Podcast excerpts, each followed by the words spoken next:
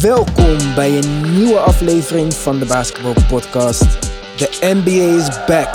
Je wilt niet weten hoe lang ik erop heb gewacht om dat te kunnen zeggen. Met mij vandaag Mark Yo guys, what's up? en Nick Yo yo, what up jongens? en ook Orfeo. Ja, ja, what's up? Ja jongens, we hebben natuurlijk naar de scrimmages gekeken. Er is eindelijk weer basketbal. Daar gaan we het zo uitgebreid over hebben.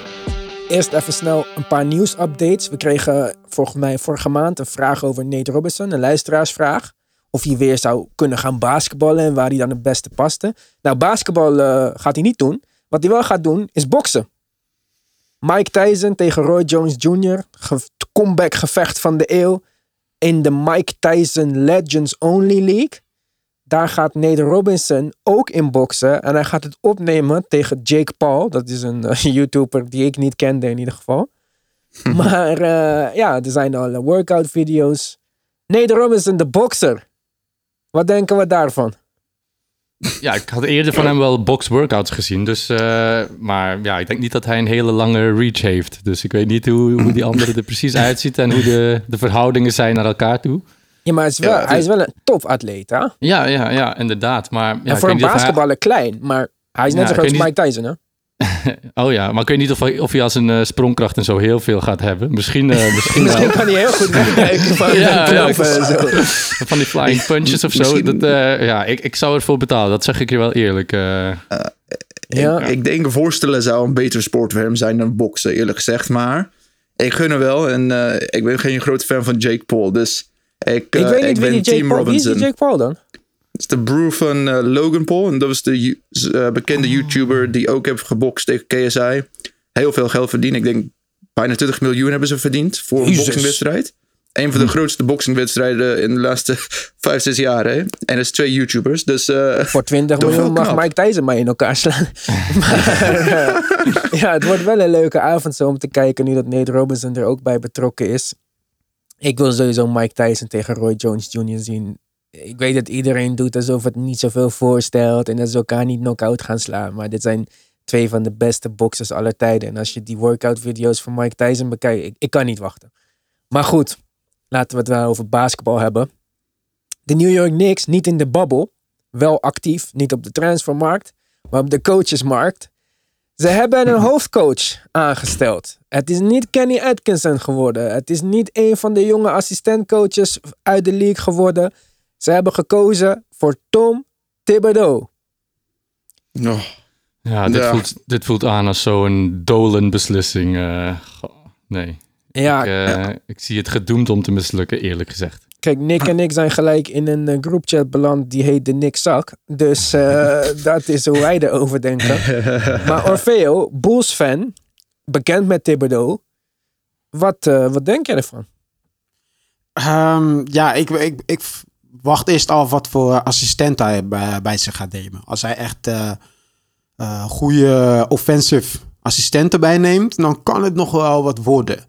Ik ben wel benieuwd wat het gaat betekenen voor Mitchell Robinson. Ik hoop voor hem dat dit het beste gaat uitpakken, want hij ziet eruit als een speler die eigenlijk heel goed verdedigend hoort te zijn. Dus ik hoop Is hij dat... ook? eh, is hij dat ook? Hij is een hele goede verdediger. Hij heeft heel veel bloks eh, per eh, minuut. Alleen hij heeft last met fouten maken. Ah, oké. Ja, ik kijk geen niks, dus ik weet het totaal niet hoe hij het doet. maar blocks alleen, dat zegt niet heel veel. Want Hassan hij is een hele goede rim protector. Laat me het dan zo zeggen. Oké, oké. ja, ik hoop dat het voor hem eh, goed gaat uitpakken. Zoals voor Joachim Noah heeft uitgepakt. Onder Thibodeau, die was geweldig. Ja, Dus- maar Mitchell Robinson is niet Joachim Noah. niet in, in de buurt van Joachim Noah. Hij is een goede playmaker voor een center. Ik maak hem een beetje zorgen over het feit dat Taj Gibson daar ook is. Dus ik weet niet Ja. hoeveel minuten dan Robinson gaat krijgen. Want Thibodeau is nou niet echt de beste in omgaan met jonge spelers. nee. heeft hij ook weer laten zien bij Minnesota. Ja, voor mij is dit de meest belachelijke keuze op de planeet. Het was, zou echt de laatste persoon zijn. Ik zou zelfs nog Stan van Gandhi eerder nemen dan eh, Tom Ja, Thibodeau. ja. Maar ja, ik, ik, ik had het niet. eh, ik zie Thibodeau niet meer als headcoach in de NBA. In deze tijd, met zijn manier van spelen, zijn manier van aanpak, zie ik hem als een uitstekende assistentcoach. Bijvoorbeeld, Hmm. mijn droom was twee jaar geleden of zo, weet ik veel, toen hij net ontslagen was, dat hij assistent zou worden bij de Sixers. Naast Brad Brown. Dat hij het defensive gedeelte op zijn rekening nam. Dat ze de net ontslagen Kokoskov als offensive coordinator namen. En dat Brad Brown de people manager zou worden. Dat vind ik een mooi iets. Maar Tom Thibodeau met RJ Barrett en Tilikina. Al die jonge spelers. Kevin Knox, Mitchell Robinson. Hij gaat schreeuwen. Hij gaat hartaanval krijgen. Nee. Ik zie het niet. eh. Ja, maar misschien is hij veranderd. Ik, ik ben ook niet heel positief, maar misschien is hij veranderd. Want ik weet nog, toen hij weg was bij de Bulls, heeft hij een jaartje expres eh, gewoon even rust genomen om te gaan eh, leren, zei hij zelf. Dat hij echt gewoon ging studeren, want hij is een student of the game, noemt hij zichzelf ook. Ehm, dus ik, ja, ik hoop, maar ik denk het niet, want op die leeftijd nog veranderen, kans is klein. is moeilijk, maar het kan. Kijk, hij defensively, hij was altijd met defensive schemes een, een, een van de beste. Hij was niet voor niks onder Doc Rivers assistentcoach van een kampioenschapteam. Eh, bij de Bulls was defense natuurlijk heel goed met Joakim Noah als de, de anchor of de defense. Alleen wat je zei, hij ging een jaar lang studeren. Toen kwam hij bij de Minnesota Timberwolves. Heeft hij misschien iets anders geprobeerd. Maar uiteindelijk moesten ze alsnog treden voor Jimmy Butler en Taj Gibson zijn. Om weer precies hetzelfde te doen. Als wat ze al die jaren daarvoor hebben gedaan. Dus ik heb er niet zoveel vertrouwen in. Maar goed, we gaan het zien. Ehm, kijk, het kan ook niet slechter bij de Knicks. Dus ja, whatever. Maar ik had toch eh, liever Kenny Atkinson daar gezien. Ik vind dat een fantastische coach. En die was al in New York. Jason Kidd was ik ook niet super enthousiast over. Maar had ik ook beter gevonden. Maar eh, Ja, en Jason Kidd die had bijvoorbeeld nog free agents kunnen aantrekken. Mensen, ja, mensen hebben Giannis, gezien- dat was de rumor, toch? Ja, en mensen hebben gewoon gezien wat hij heeft gedaan met Giannis. Hij heeft, eh, hij heeft hem echt wel eh, naar een ander niveau ook ge- geholpen. Ook de En- Nets was hij maar alleen weggegaan door een conflict. Hè? Ging niet super Ja. slecht daar of zo. Ja, en doet Thibodeau, Thibodeau als assistant van Jason Kidd, dat vind ik helemaal prima. Jason Kidd is gewoon de, een players coach en dan Thibodeau is dan de strenge assistant coach die, die ja, ik weet Ja, het die de maar- grit terugbrengt bij de New Ja. York Knicks. De 90s intensiteit. Dat was leuk. Ja, ik, eh, ik denk dat het niet de slimste move is. Maar we gaan het zien. Ze kunnen niet naar beneden. Dus ten alle Ja. tijde krijg ik geen gelijk. Want zelfs als ze vijf plekken stijgen, dan... eh, Ja, maar ik vind het een gevaarlijke uitspraak. Ze kunnen niet slechter, want eh, de Knicks is echt wel een team die zegt eh, hold my beer en eh, die gaan dan vij- vijf jaar lang eh, nog slechter doen gewoon. Dus, maar ja. ja, ja ik, eh, ik weet het niet. Maar we, ja, we gaan het zien. We kunnen niks anders dan afwachten. Het zal nog even duren voordat we de Knicks in actie zien. Ja. Kijken Dus- of we die, of we die WhatsApp-groep nog eh, een andere naam moeten geven. Nee, ik denk het niet. Goed. Gaan we terug eh, naar de bubbel.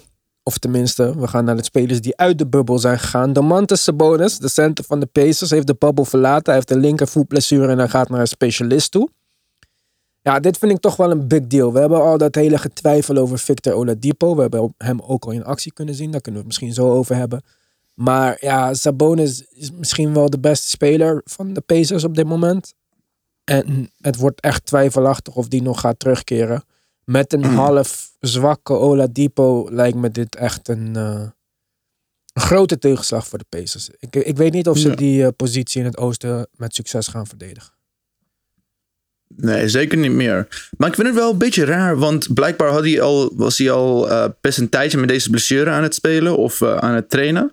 En ik dacht, met vier maanden zei je dat, ja, niet, je kan niet alle blessures, maar je had wel de kans om iets daaraan toe te doen, toch? Ja, dat vind ik ook. En dat, ik had datzelfde met Rondo, die al jarenlang rondloopt met deze duimblessure. En dan zelfs na vier maanden denkt, oh ja, ja, hij moet toch echt geopereerd worden, want het gaat niet goed. Kemba, die opeens erachter komt dat hij nog steeds last heeft van zijn knie. Hoe, dit, dit kon je allemaal weten hoor. Ik, ik, ja, Ja. ik snap dat niet zo goed. Misschien dat ja, met de intensiteit van het trainen of de echte scrimmages, dat mensen toch merken van ja, het voelt niet goed. Ja. Of gewoon een verkeerde beweging, of een bal tegen zijn duim, of Kemba die een, een verkeerde tweak maakt met zijn been. We, we weten de details niet echt, zeg maar. Dus wie weet is het gewoon een, een, een nieuwe blessure die er bovenop komt of zo. Ja, in ieder Dus- geval is hij weg. En ja, Ja. ik, ik, eh, ik denk niet dat de Pacers eh, die vijfde plek gaan verdedigen. Wat denken jullie? Nee. Nee, niet meer, helaas. Ja, ze kunnen ook niet super ver zakken, want het oosten is ook eh, onderin drama. En ik zie de Nets, eh, hoe goed Karis LeVert ook speelt, ook niet echt... eh, Ja, Stijgen. Maar het is een all-star hè, en dat is het probleem. Je kan, je kan geen all-stars vervangen aan het einde van de dag. En dat is En hij is heel belangrijk ook eh, voor de playmaking vanuit de post en zo. eh, Op zoveel manieren. En Miles Turner is ook niet bezig aan zijn beste seizoen. Dus Ja, ik, eh, ik weet het niet. Heel jammer voor hen, vind ik. Want Ja. er, was, er was wel een kans dat ze misschien de Eastern Conference finale zouden kunnen bereiken voor de eerste keer in Ja, denk sinds je? 2014. Oh, ze hadden een kans, hè? Want het- Ik we weten niet hoe het een- gaat uitpakken. Ja, maar ik zie haar niet als een, als een top 4 team in het oosten hoor.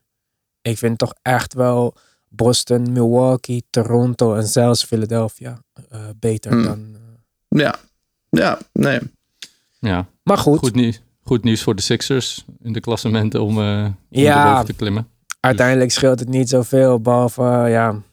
Ja, Ja, het, is, het maakt niet zoveel uit. Ik denk dat in het oosten zal het, eh, gaat het er gewoon echt om wie het best in vorm is. Bijna alle teams zijn compleet. Van de Bucks tot de Raptors tot de Celtics. Als Kemba in ieder geval eh, fit genoeg is om te spelen.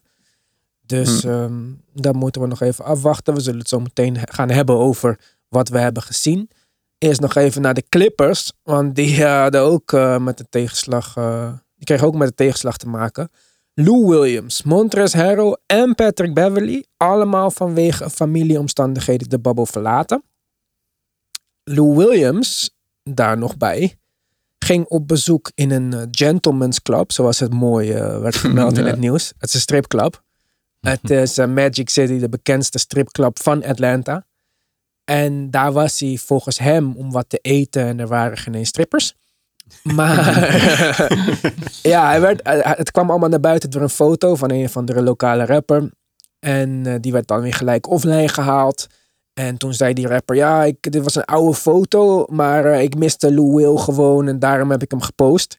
Alleen, eh, dat was dus geen oude foto, want hij had het officiële mondkapje van de NBA op, die ze in de babbel pas hebben gekregen. dus Oh. dat werd al gelijk een probleempje. Maar eh, waarom ik eh, dit vertel, is omdat het een impact kan hebben op hoe lang hij in quarantaine moet als hij terugkomt in de babbel. Hmm. Normaal gesproken, als je met verlof de, de babbel verlaat en je wordt elke dag getest buiten de babbel, dan hoef je Hmm. maar vier dagen in quarantaine als je terugkomt. Op het moment dat jij je onder omstandigheden bevindt die de NBA ja, bedenkwaardig vindt, dan zijn zij in de positie om te kiezen hoe lang jij in quarantaine moet. Dus het zou zomaar kunnen dat Lou Williams nu, omdat hij zichzelf en daarmee zijn medespelers in een groter gevaar heeft gebracht, tien dagen in quarantaine moet. Wat dus zou betekenen dat hij de openingswedstrijd in ieder geval al mist. Ja. ja, en terecht eerlijk gezegd. Ik vind als dat de reden dat je de bubbel heeft verlaten. Nee, maar hij ging niet, hij, kijk, hij ging niet Ja, de maar bubbel ik weet het, verlaten maar om naar een nogmaals, dat je stripclub dat- te gaan. Maar dat je dat zouden doen nogmaals. Ja, Kijk, ze zijn hoeveel spelers in de bubbel? 300, 300 of zoiets ongeveer. Hmm. En dan ga je even voor personal matters weg. En dan een van de dingen dat je doet, misschien er waren vast wel goede redenen dat die wegging. Ja, want het Maar was als een je etentje na een begrafenis. En die Hmm. werd dan gehouden in Magic City eh, Stripclub. Ja, Orfeo kijkt raar nu omdat hij niet... ja, maar eh, Magic City heeft ook een heel goed buffet. En ze hebben zelfs uh, spareribs die de Lou Will spareribs heten of zo. Dus eh, het is een eh, establishment waar je ook eh, voor een hapje en een drankje eh, terecht kunt. Ja, kijk, aan de ene kant vind ik dat je gelijk hebt, Mark. Maar aan de andere kant denk ik ook van... Ze moeten al zoveel van hun privacy opgeven. Wat boeit het Hmm. nou wie waar is of wat doet? Als hij negatief getest is, dan is hij toch negatief getest. Dus als, stel je voor dat hij nu vier dagen in quarantaine gaat. En hij is elke vier dagen dat hij buiten de bubbel was, was hij negatief. Vier dagen in quarantaine is hij negatief. Kijk, ik weet niet hoe lang die incubatieperiode precies is. Maar waarom moeten we Mhm. hem nu gaan straffen? Omdat hij ergens is geweest en iets heeft gedaan. Ja, ja. Ik weet niet wat Zion heeft gedaan. Misschien was Zion niet in een stripclub, maar was hij bij een eh, familiebarbecue met de 200 mensen en is dat net niet op de foto gekomen. ja. Zion, ja, het blijft, wel, het blijft wel een moeilijke. Ja. Nee, ik, eh, ik heb geen goede antwoord, want ik ben er niet. En dat, het is gewoon het feit als, als wij zouden samen gaan opnemen, zelf het studio. Weer, dan zou je gewoon meteen denken, als ik gewoon die, die avond daarvoor ging stappen de hele tijd in Amsterdam. Zou je Ja, niet precies. het meest blij zijn als Nee, ik de volgende dag terug zou komen. Ja, maar dat is het ook. Hè. Kijk, dus als wij met z'n vieren anderhalf meter van elkaar zitten, dan is alles prima. Dan mag ik met vier dagen terug in quarantaine, mag ik weer terug die bubbel in.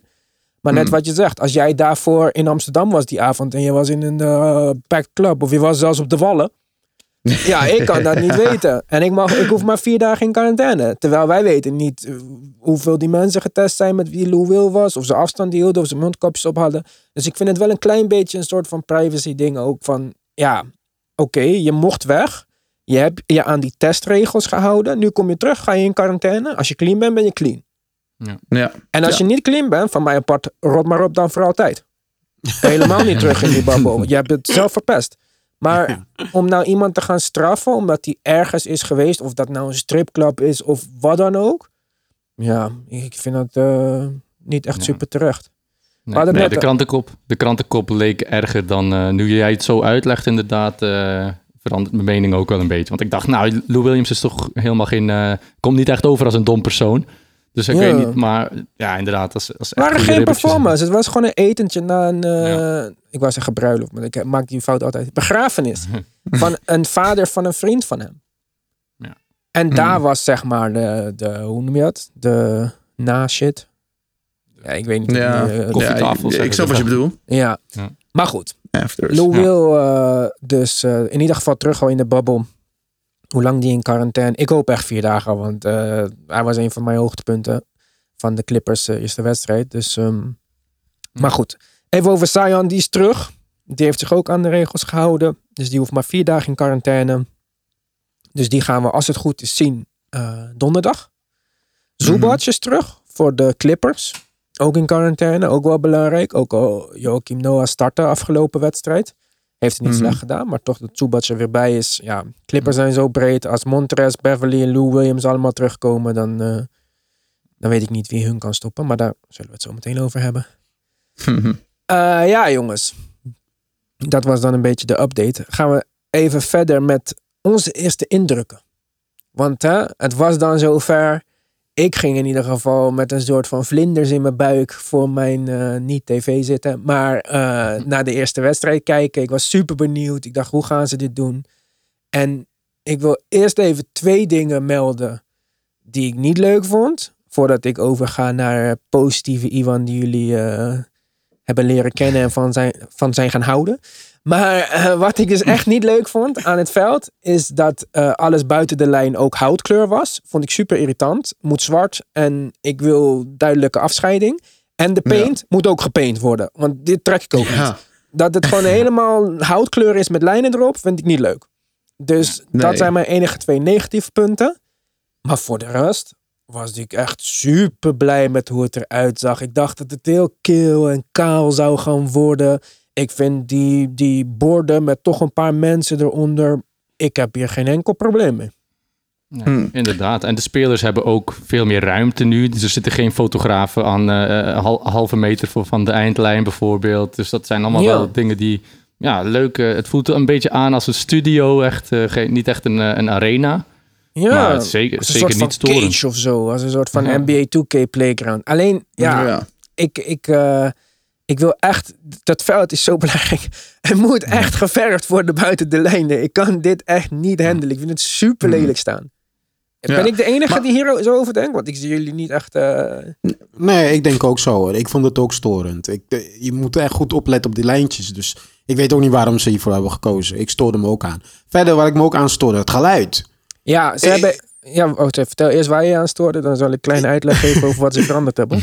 Oh ja, want ik, ik, ik luisterde met, eh, met mijn headset en ik kon te veel dingen horen. Wanneer iemand met zijn microfoon bewoog de hele tijd of zo, of iemand zich omdraaide, kon je ook gewoon horen. Dat vond ik zo storend. Ja, dit komt dus omdat ze eh, in plaats van normaal hebben ze microfoons aan de zijkant van het veld staan. En die pikken dan een beetje de schoenengeluiden op en de balgeluiden en zo. Wat je wel echt nodig hebt. Want als dat er niet is, dan zit je ook te kijken en denk je, wat is hier aan de hand? Maar nu hebben ze dus iets van, ja, ik weet niet precies hoeveel, maar laten we zeggen 200 microfoons onder de vloer gezet. Dus we kunnen echt alles horen. En ehm, afhankelijk van de zender die het uitzond, want er waren verschillende producties, vond ik het ook soms irritant. Want soms was die bounce van de bal gewoon te hard. En ik, ik weet niet, Ja, het, het was nog... Als, bij een fastbreak voelde het net als Jumanji, die eh stroom, Ja, ja, dieren, precies. zeg maar. eh. Er moet wel een, grotere, er moet wel wat meer balans komen. Dus ik ben echt benieuwd hoe ze dat eh, nog gaan oplossen. Donderdag gaan wij Mm. ook in Nederland op Ziggo eh, kunnen kijken naar basketbal. En dan eh, ben ik heel benieuwd naar hoe dat geluid allemaal binnenkomt en zo. kan nog wel eens een probleem worden. Maar ja. ik vond het geluid, dat had van mij ook niet per se gehoeven, zeg maar. Nee, dat snap ik. Maar is de camera-angle ook wat anders? Want Ja, ik, ik, ik merkte een paar keer dat ik dacht iemand was aan het driven in de lane van de, van, van de baseline. En ik dacht, hè, is hij al bij de basket? Of waarom gaat hij niet eh, met daar dunken? Ja, de maar middelste, was het mij. de middelste camera is sowieso wat anders. Het is volgens mij iets Hm. wider eh, look. Maar goed, dat, Hm. dat kan denk ik allemaal nog eh, veranderd worden. En dat zal ook wel een beetje experiment, experimenteren zijn. Ja. Ehm, want ook bijvoorbeeld, ik keek gisteren de Nuggets. En die hadden alweer zo'n projectielogo op het veld. Dus dat kan je Hm. ook nog gaan verwachten. En vrijdag hebben ze ook, heb de NBA zelf ook nog een persbericht naar buiten gebracht. Dat ze met een ultra courtside komen. En een together mode. Waarin dus 300 bijvoorbeeld eh, se- season ticket holders.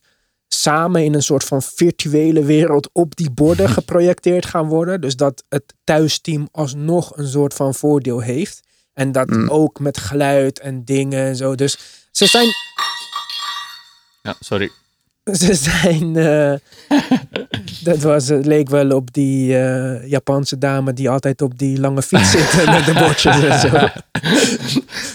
maar eh, we hadden onze eigen halftime entertainment hier. Maar in ieder geval, daar zullen ze nog mee gaan experimenteren. Ik vond dat als dit de basis is waarvanuit we gaan werken, vond ik het alles meevallen. Ik, ik had het eerlijk gezegd niet verwacht. Behalve dus dat veld, waar ik nog 70.000 keer over ga zeuren.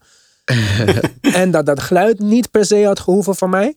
Of op deze manier. Maar ook dat zal waarschijnlijk nog wel aangepast worden. Ik ben Ja. enthousiast. Dit, wordt, dit is zeker goed genoeg om eh, voor mij eh, de rest van het NBA-seizoen te kijken.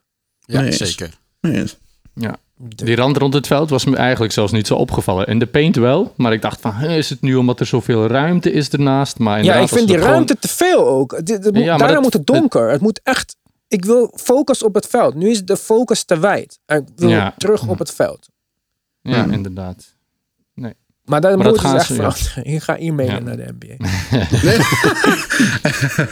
ja, ik weet dat het klinkt misschien echt alsof ik me super aanstel. Maar ik vind het echt... eh, Nee, ja, nu, Het is nu ga ik er ook niet meer naast kunnen kijken. naar Ja. Ja, kut als mensen zulke shit voor je ja. Can't be unseen. Oké. Goed. Dan eh, gaan we eventjes kort eh, doorlopen wat we tot nu toe hebben gezien. Beginnen we op de eerste dag eventjes. Daar zijn een aantal van de ja, echte topteams aan het werk eh, gegaan. De Nuggets, Ja. Clippers, Pelicans, Heat ook. Maar goed, die heb ik niet gezien die dag. Laten we even beginnen bij de eerste wedstrijd. De Clippers tegen de Magic.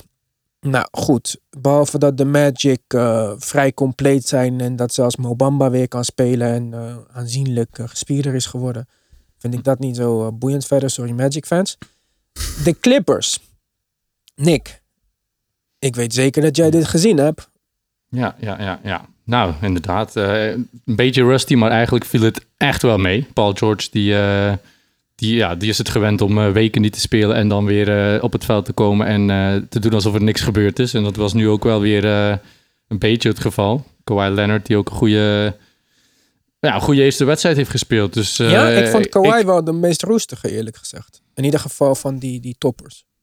Ja, ja, nou op zich, hij staat niet zo scherp als, als anders. Dus waarschijnlijk moet hij zich nog wel een beetje in shape. Maar hij, hij leek nergens last van te hebben. En dat is eigenlijk het enige waar ik op let. Als, als ik zie dat hij... Ja, op zijn gezondheid veel- bedoel je. Ja, ja, inderdaad. Als, dat, als, als die oké is, dan maak ik me geen zorgen. Dan is het... eh, Hmm. Ja, Kawhi ook nog nooit eh, problemen gehad met eh, die extra procenten te geven op momenten dat het erom gaat. Dus ik geloof ook wel dat op het moment dat het erom gaat, dat hij Ja. er zal staan. Ik vond Lou Williams super positief. Ik was niet Mhm. zo enthousiast over zijn se- seizoen voor de lockdown. Vond dat hij Mhm. niet dat oude niveau had. Maar nu ja, zie je gewoon wat voor talent hij is en waarom hij zo bijzonder is en waarom hij die eeuwige Six Man of the Year is. Hij kwam erin, Mhm. hij deed zijn ding en het ging echt gewoon moeiteloos. Alsof hij nooit was gestopt met spelen. Dat is gewoon echt die, die true baller eh, ja, die in hem zit. Dus ik hoop echt dat Mhm. hij erbij is. En vooral ook donderdag. Want dat is ja, de leukste match op de eerste wedstrijd. Lakers Clippers. Dan wil Ja. ik dat ze allebei in ieder geval zo compleet mogelijk zijn. Iemand anders nog eh, opvallende dingen gezien in die wedstrijd? wat vonden jullie van eh, Joachim Noah? Ja, heel goed. Heel positief. Ja, Ja. Niet verwacht, eerlijk gezegd. Ja, another one uh, with a comeback. Hè? Dus uh, heel goede shape. En, ja, uh, conditioning zeer goed. Veel vlotter Ja. dan bij de Knicks was hij. Mm. En als extra playmaker vanuit de post. En ook defensively. Want hij was heel goed defensively deze wedstrijd. Ja, En- moet je kijken naar... Als, als hij, hij hoeft niet 30 minuten dit te doen, hè. Als hij 20 minuten van top defense Joachim Noah kan geven... met Paul George, Kawhi en Patrick Beverly. Ja, Wie ja, gaat ja. scoren dan? Inderdaad, Ja. inderdaad. En laat hem gewoon eh hustelen en eh, goede screens zetten. Pick and roll met, eh, met, met Lou Williams bijvoorbeeld. Als, als Montrezl Harrell er niet, niet is. Ja, Er zijn en, eh, zoveel opties. Ja. Ja, Ja, en één ding dat heel. Want er, er is geen crowd noise, of er is geen crowd daar. En je, ik hoorde wel een paar keer, je kan gewoon Noah alle, call, alle plays aan het callen. En het, dat is heel handig voor de Clippers. Hè? Je hebt gewoon die defensive backbone voor die 20 minuten. Hij weet alles. Ja. Zoals met CP3. Hij, hij weet precies wat gaat gebeuren. En dat is echt een groot voordeel voor het team. ik, zag dat, ik had dat echt, echt niet verwacht. Toen ik zag dat hij ging starten, omdat Zubac niet was, dacht ik, oh, oh. Nou, dat, dan gaan we al snel zien waarom hij niet gaat spelen dit, de rest van dit seizoen. Maar ik vond vooral defensively dat ik even dacht van, wow, hé. Als hij rond de paint kan staan. En ook offensively. Hè? Want kijk, Kawhi, ik zeg altijd, hij is eigenlijk een soort van aanval op zich. Hij bemoeit zich niet eens met het systeem. Maar als hij pick and roll kan spelen met Noah. En met Noah die dan kan rollen, maar ook pasen vanuit die pick and roll. pff, dat- ik wil Ja. dit echt zien. Ik ben super enthousiast. ja, inderdaad. Oh, ik, ook. ik ook. Goed. Gaan we snel verder met de Nuggets. Die de eerste wedstrijd eh, begonnen met een eh, hele bijzondere line-up. Als ik zeg dat de Paul Millsap de kleinste speler op het veld was. Met 6'7. En daarna kwam Jaren Grant met 6'9. En dat Jokic 7-footer point guard speelde. En Bol Bol met 7'5 voor weet ik veel wat hij is. De small forward was. Het zag er een beetje gek uit. En ik dacht, nou, dit, ze gaan echt eh, gigantisch ten onder in die eerste wedstrijd. Maar ook de eerste keer dat wij Bol in actie kunnen zien. Oh, bol. Ja, Rookie of the year. Ja, volgend jaar. Maar- ja, nu dat het niet meetelt voor dit jaar meer, deze acht wedstrijden, neem ik aan dat hij in aanmerking komt om volgend jaar Rookie of the Year te zijn, toch? Of, eh, Ja, ik denk dat. eigenlijk wel, ja. Ja, ik, ik vond het leuk om te zien. Kijk, het zijn allemaal scrimmage, dus ik focus me vooral op de spelers die ik niet ken, die weinig minuten krijgen. Maar van de anderen weet ik wel wat hun gaan doen. En ik vond hem, hij deed het echt goed. Hij deed het echt goed. Maar je, je- blok, rennen, bam, hij scoort, drie punten, pull-up. Het was mooi Ja, om te zien. Kijk, di- dit zijn highlights, dus wij weten niet echt precies of hij dit kan doen of, op, of hij dit op momenten kan doen. Maar wat je zegt, eh, voor zijn lengte, hij is echt heel bewegelijk. Veel bewegelijker bijvoorbeeld dan zijn vader, die wel ook heel lang was en nog veel langer zelfs, maar het zag er gewoon niet uit.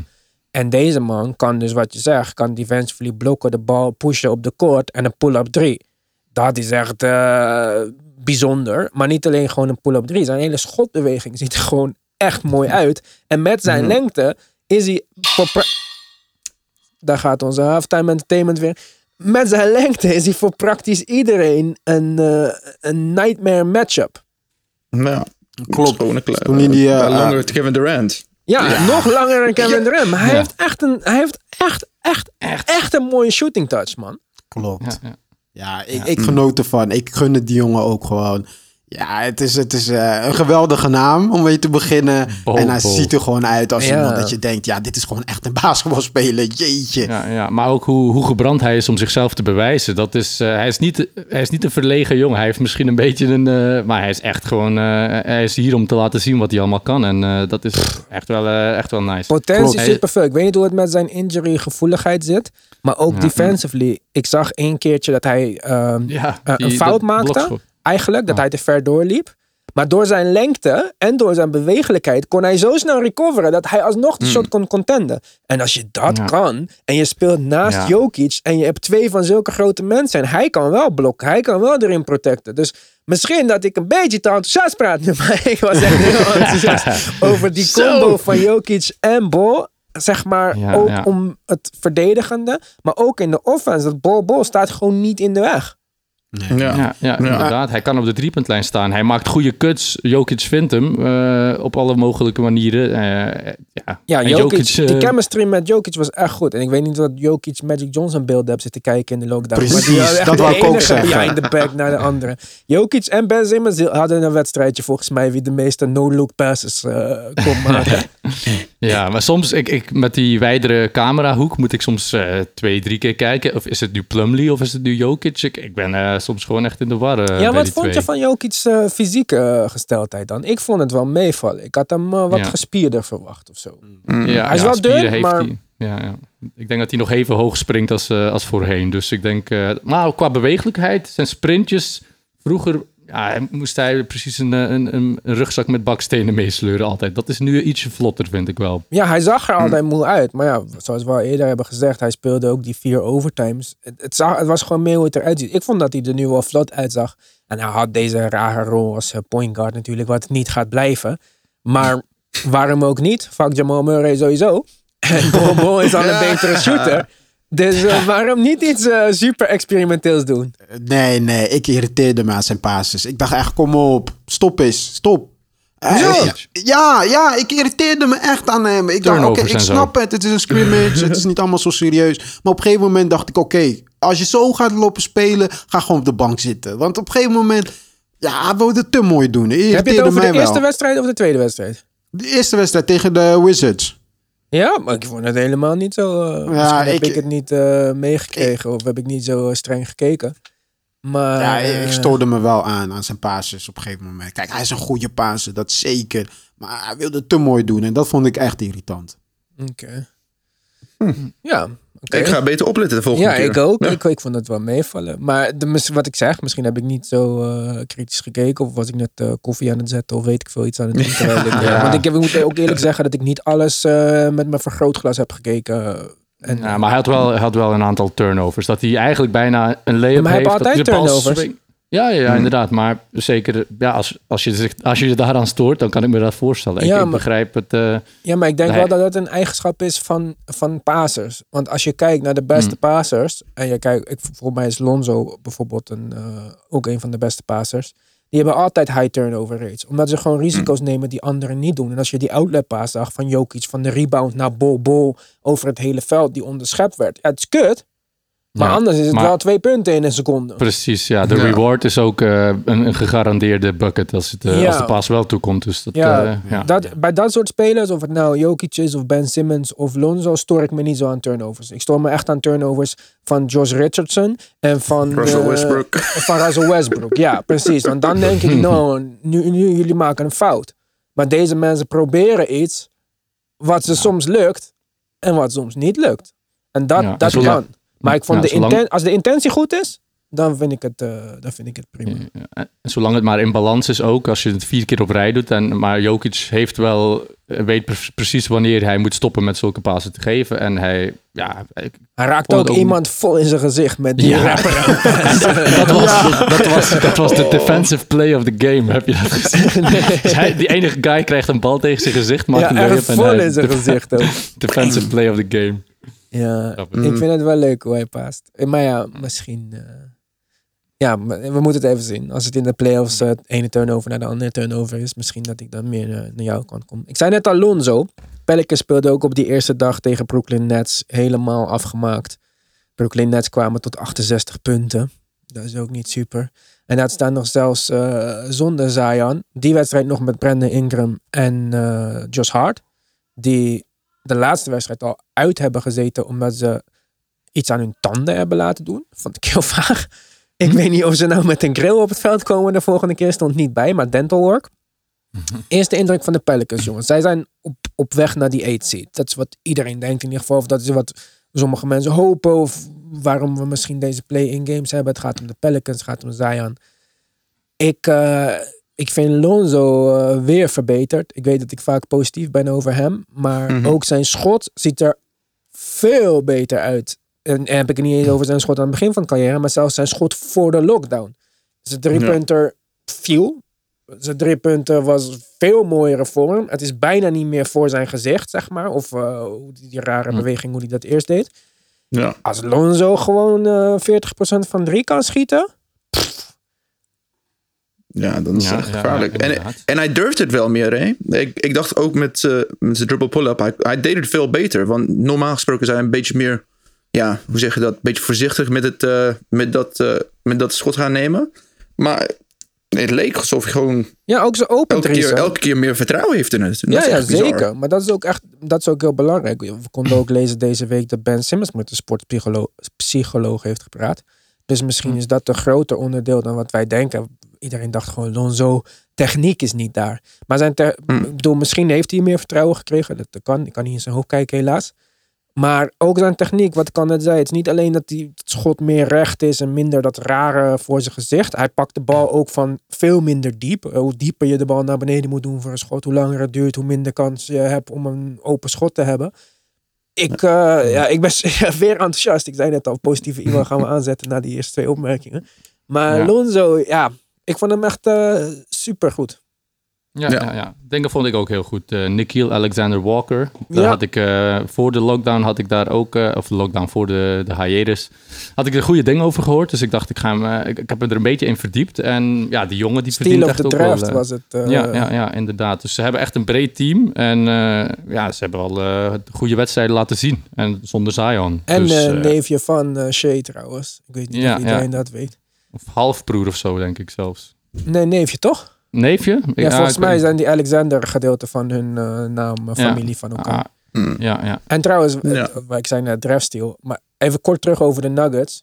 Jokic, 44ste pick. Bol Bol, 43ste pick. Uh, Michael Porter Jr., 15e pick. Ja. dat is ook wel, eh, ja, Ja, je, kan, je kan er wel zeggen dat sommige teams, eh, of ja, dat sommige spelers goed uitdraaien. Maar het is echt wel een, een talent van een team. Als, ja, als het te deze. vaak achter elkaar goed gaat, dan klopt er iets niet natuurlijk. Ja, Eh, ja, inderdaad. Maar Maar ja. gezondheid bij Bol Bol. Hun- Ja, hun maar slechte- Michael Porter hun Jr. ook toch? Ze nemen risico's met die picks. Ja. Maar ja, wat Ja. wil Ja. je? Met een 15e pick een risico nemen? Of een hele goede negende man van je bank draften? Ja. Ja, Ja. dan Ja. zou ik ook misschien reach for the sky gaan en eh, proberen. En bij hun is het Ja. goed uitgepakt.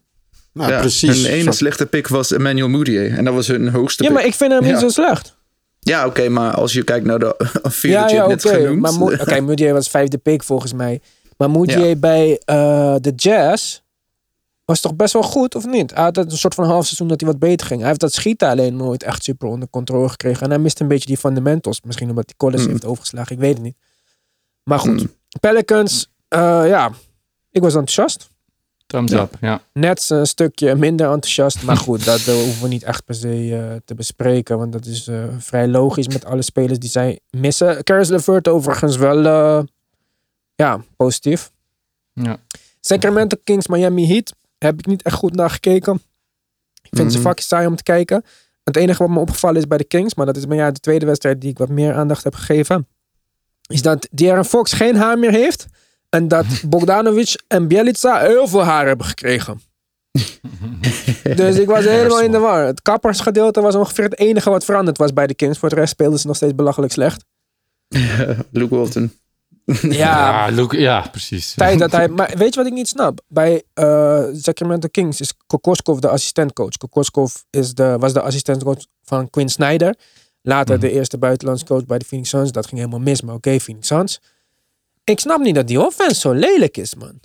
Je hebt daar echt Mhm. genoeg high IQ spelers met Bielica en Bogdanovic. En Fox is ook echt niet slecht. Ook al vinden sommige mensen hem niet zo goed. Maar ik vind hem prima. Ik snap niet Mhm. waarom dat niet, eh, waarom dat maar niet van de grond blijft komen. Ja. Blijf.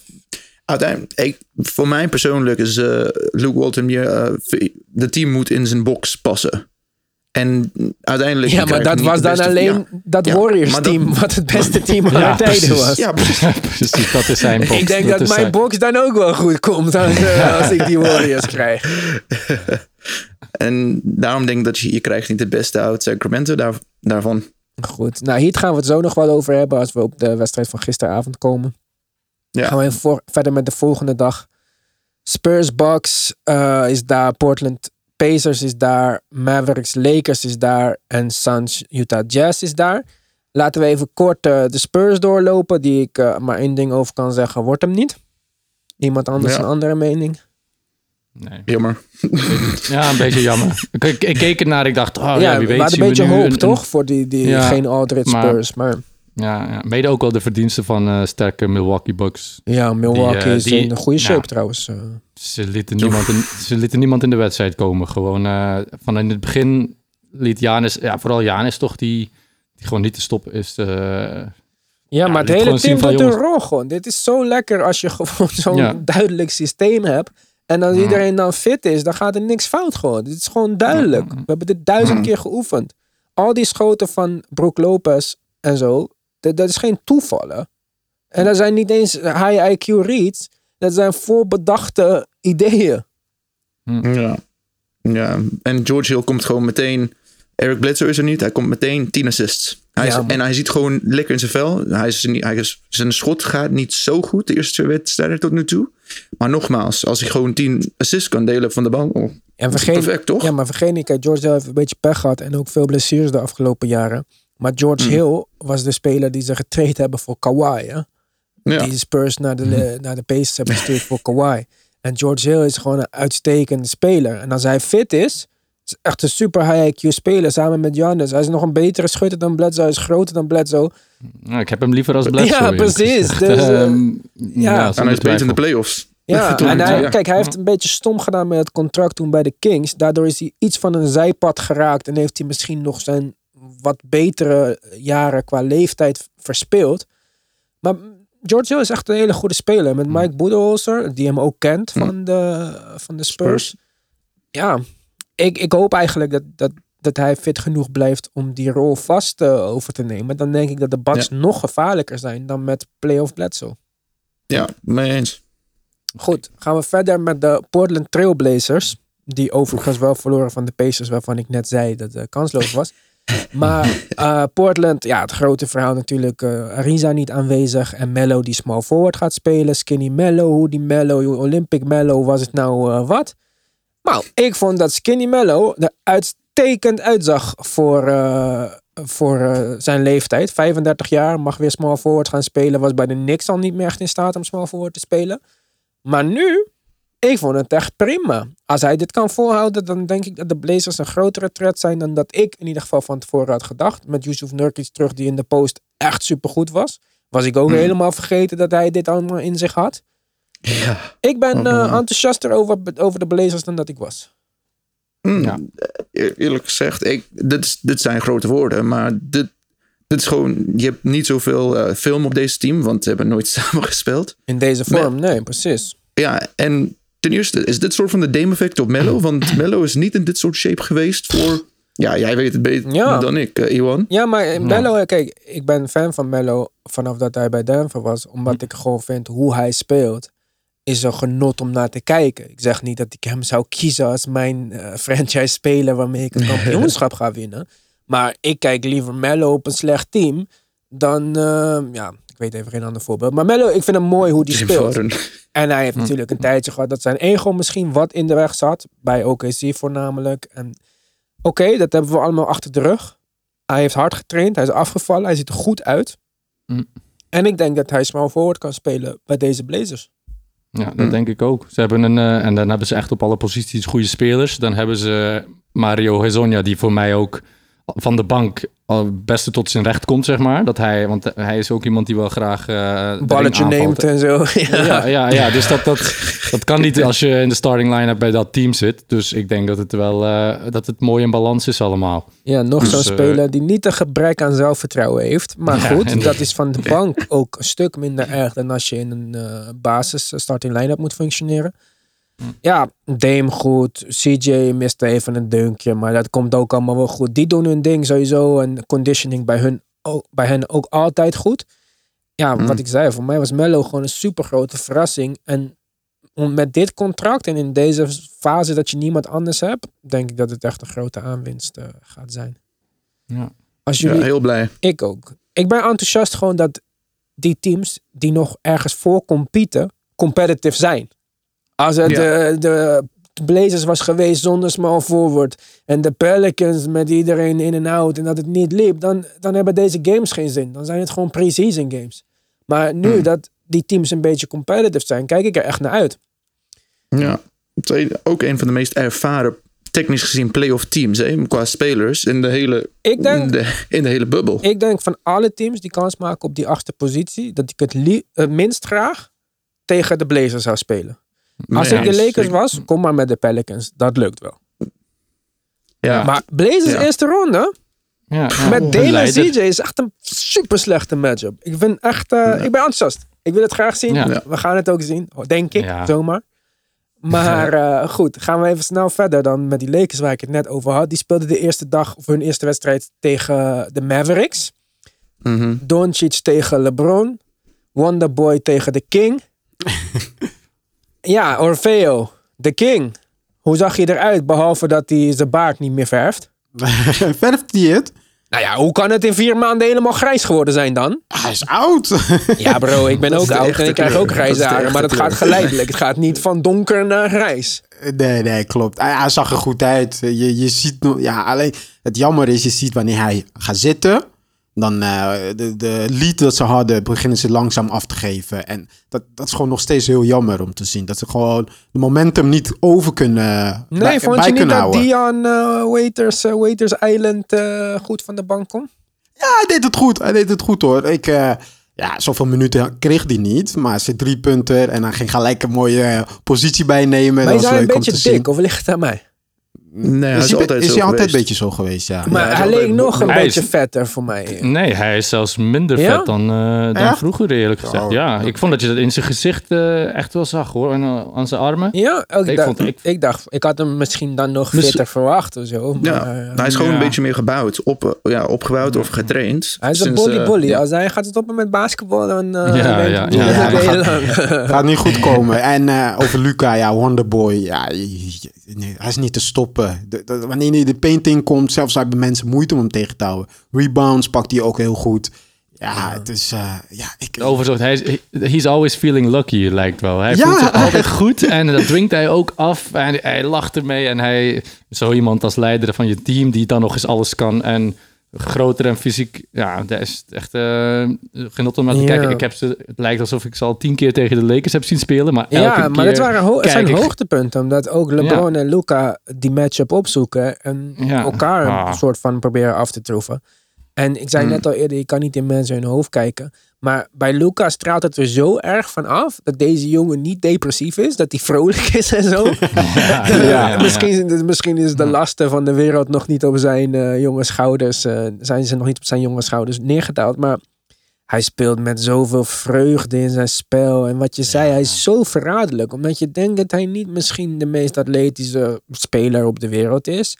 Maar hij kan de, de rim attacken. Hij kan, ja, ik, ik kan niet echt iets verzinnen wat hij niet kan. En hij is Dus, ja, 20 ja. geworden net. Ja, eh, ja, denk ik wel. Ik, eh, ik zou Dan, toch eh, wel eh, denken dat er een MVP en een titel in zijn eh, vooruitzicht ligt.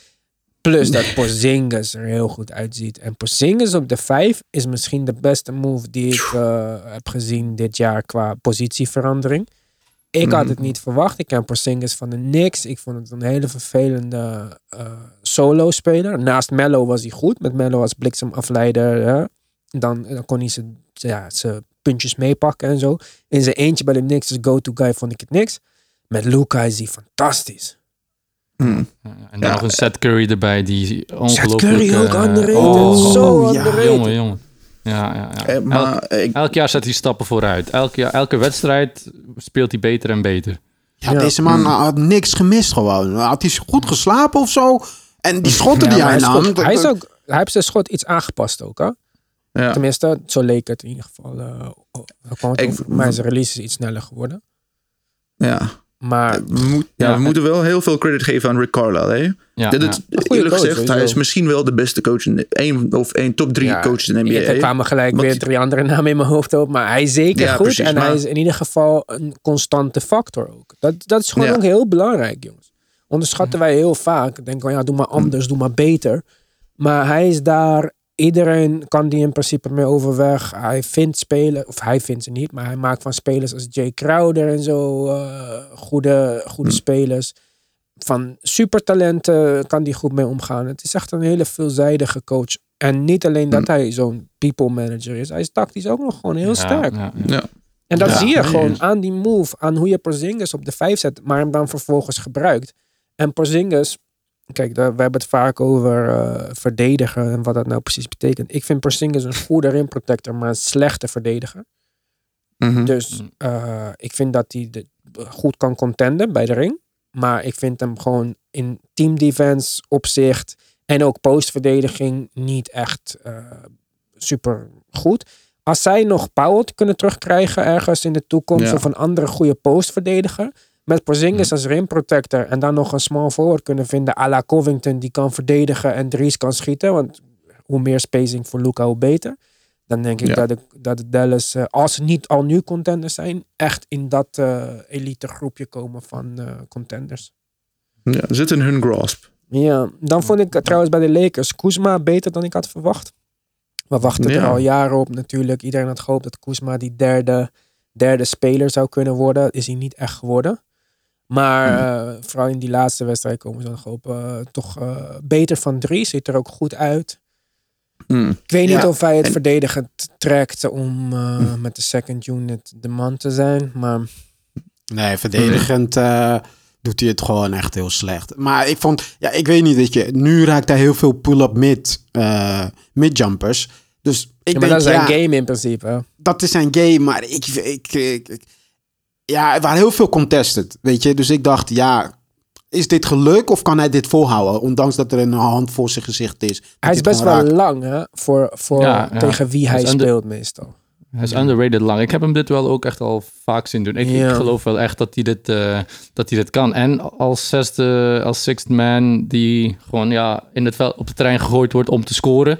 Dat Als is ze een rol die bij hem en als past. ze driepunter blijft vallen en als hij die, vooral die, die driepunten van de zijkant met een regelmaat kan raken, dan is Mhm, hij ja. ook met LeBron op het veld van meerwaarde. ja, ja. Alleen wat je om- zei, die contested twos, dat moet je niet doen als LeBron op het veld staat met AD, want dan, heb, dan ben je gewoon eigenlijk, ja. Ja, je de was shooting je team out of game.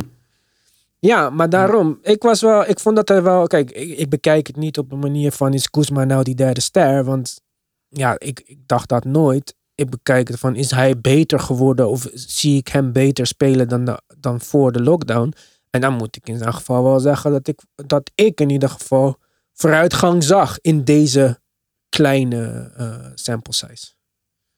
Dus dat maakt me dan enthousiast toch. Elk team wat beter wordt vind ik leuk. Nou, Ja, ja. gaan we door naar de vrijdag.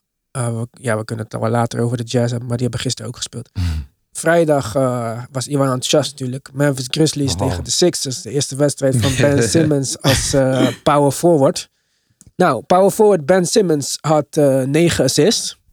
Dus zo power forwarderig was het niet. Dat was misschien niet het meest opmerkelijke. Het meest opmerkelijke was dat hij een record aantal drie's in de wedstrijd heeft genomen, namelijk twee. waarvan hij er Ja. eentje raak heeft geschoten. En uh, ja, ik zei het al eerder, hij heeft met een sportpsycholoog gepraat. Als Ben Simmons vier drie's per wedstrijd neemt en hij schiet er anderhalf raak, is alles wat hij nodig hebt van hem. Hey, Klopt, ja. 24, ja, dat, is, dat was mijn estimate. Hè? 24 3's gaat hij eh, proberen te nemen. Ja, Ik dan zit wordt wel krap in de regular season nog. Maar uh, kijk, Ja, uh, Ik Ja. heb die wedstrijd niet kunnen afkijken. Want, uh, ja, maar er was in het doen. vierde kwart was er niks gebeurd. Ook. Nee, nee, klopt. Want Memphis had gewoon geen kans. Maar wie... Mathies? Mathies, zo zeg je zijn naam toch? Ja, met die Stijbo is fantastisch. Ja, oh, e- e- echt. Als je in zijn buurt komt, moet je oppassen. Zodra Ja. hij ergens in de buurt is, moet je echt oppassen. Want die, die, die steals die Heel hij slim. maakt en, en zijn verdediging. Ik, eh, ik denk, ze hebben echt een goede speler in handen. Ja, ik heb dat al eerder gezegd. Ik vind hem echt supergoed. En wat je vaak bij rookies ziet, is dat ze in het tweede jaar veel beter worden. Niet omdat hun skills zoveel vooruit zijn gegaan, maar gewoon omdat ze meer comfortabel zijn met het NBA-spelletje. En deze vier maanden pauze is alsof je naar een tweede jaar gaat. En hij was al defensively fantastisch. Hij had nog een explosieve dunk die ik niet eens wist dat erin zat eh, bij hem. Maar in de paint, met contact. Hij kan een drie raken. Kijk, ik heb dit al 10.000 keer gezegd. Ik ga niet in herhaling vallen. Maar ik wil gewoon Ben Simmons zien met shooters om hem heen. En dan zie ik hem liever met Shake Milton en Matisse Tybal en El Horford en Tobias Harris op het veld staan. Zoals we zagen in de laatste vijf minuten van het tweede kwart, waarin er echt een hoop goed ging. Als je een mooi systeem in werking wil zien, moet je dat even gaan kijken. Maar over de Sixers met de basisopstelling. Positief, George Richardson mag niet meer onbal uh, playmaking doen. Dat is heel positief, want dat kan hij absoluut niet. Ehm, Shake Milton als point guard.